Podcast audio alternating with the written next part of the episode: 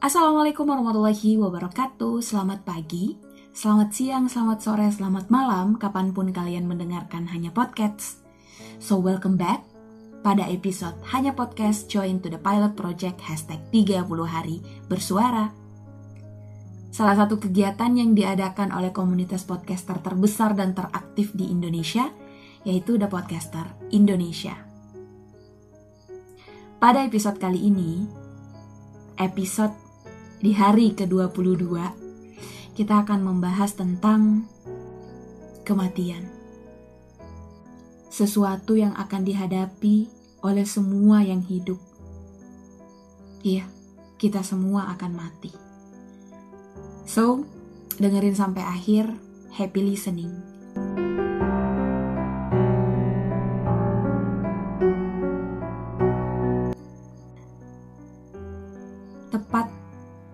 Ketika saya berumur 11 tahun, saya dipertemukan dengan sebuah peristiwa yang membuat saya merasa kehilangan. Iya, sangat kehilangan. Selama hidup hingga 11 tahun, saya tak pernah membayangkan akan bertemu dengan peristiwa ini di umur yang masih sangat muda. Kehilangan yang saya rasakan saat itu sangat dalam. Bahkan saking dalamnya, saya sudah tidak tahu sedalam apa. Itu disebabkan karena sosok laki-laki yang pertama saya kenal di muka bumi ini, yang pertama saya cintai, setelah Rasulullah berpulang, tepatnya di hari Jumat pagi di pangkuan sang istri dan memeluk ketiga anaknya. Si sulung memeluknya dari kanan, dan satu-satunya anak laki-lakinya memeluknya dari sisi kiri. Kemudian si bungsu, yang waktu itu masih berumur tak lebih dari enam bulan, memeluk dari atas perutnya.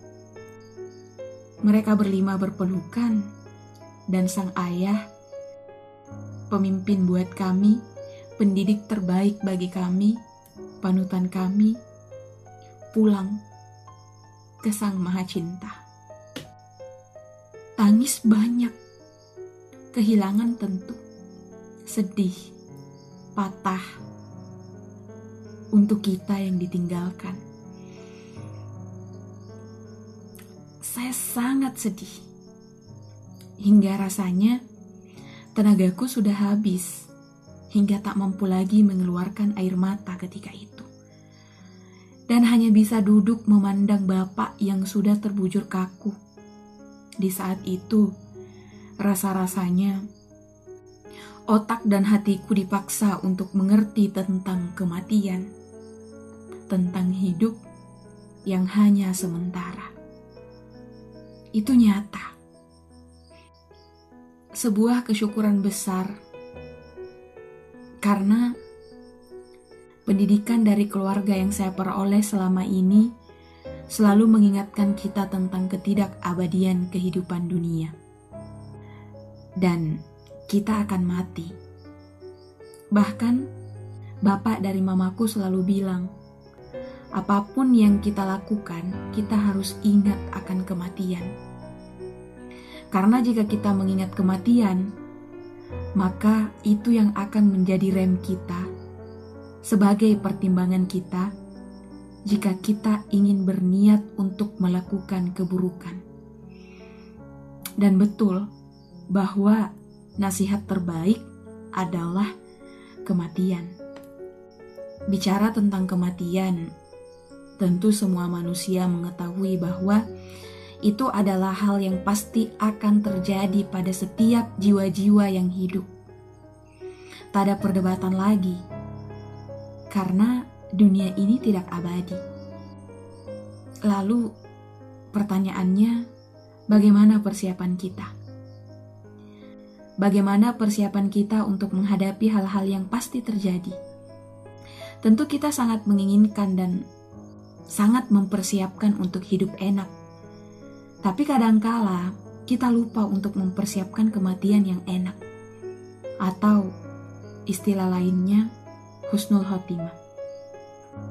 Ya, bahkan ketika awal tahun mungkin di antara kita semua bahkan saya pribadi membuat perencanaan hidup untuk setahun turunan tentunya dari tujuan jangka panjang kita sebagai manusia Sebagian dari kita dengan detail kemudian merencanakan hidup kita di dunia.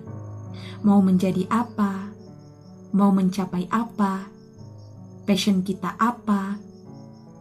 Tapi kadang kita lupa bagaimana nantinya kita ketika kita menghadapi kematian dan bagaimana kehidupan kita setelah kematian. Sudahkah kita memikirkan itu? Setelah kita sepakat bahwa kematian itu hal yang pasti. Entah besok, lusa, hanya Allah yang tahu. Bercita-cita untuk husnul khotimah. Lalu bagaimana cara mencapainya? Bagaimana menggapainya? Ya, kita butuh istiqomah. Istiqomah untuk berada di dalam ketaatan kepadanya. Dan tentunya hingga hidup kita diakhiri dengan ketaatan. Sebagaimana disebutkan dalam hadis dan penjelasan beberapa ulama bahwa sesungguhnya setiap amalan tergantung pada akhirnya. Yang ini menjadi misteri karena kita tidak tahu akhir kehidupan kita kapan. Jadi tugas kita adalah menjaga jiwa, hati, dan diri kita untuk tetap dalam jalan ketaatan. Maka dari itu, mari kita berusaha untuk istiqomah dan terus berdoa agar Allah mewafatkan kita dalam kondisi terbaik, dalam kondisi keimanan tertinggi dan husnul khotimah. Dan semoga Allah ridho terhadap kita untuk memperoleh kehidupan terbaik di kehidupan keabadian kelak.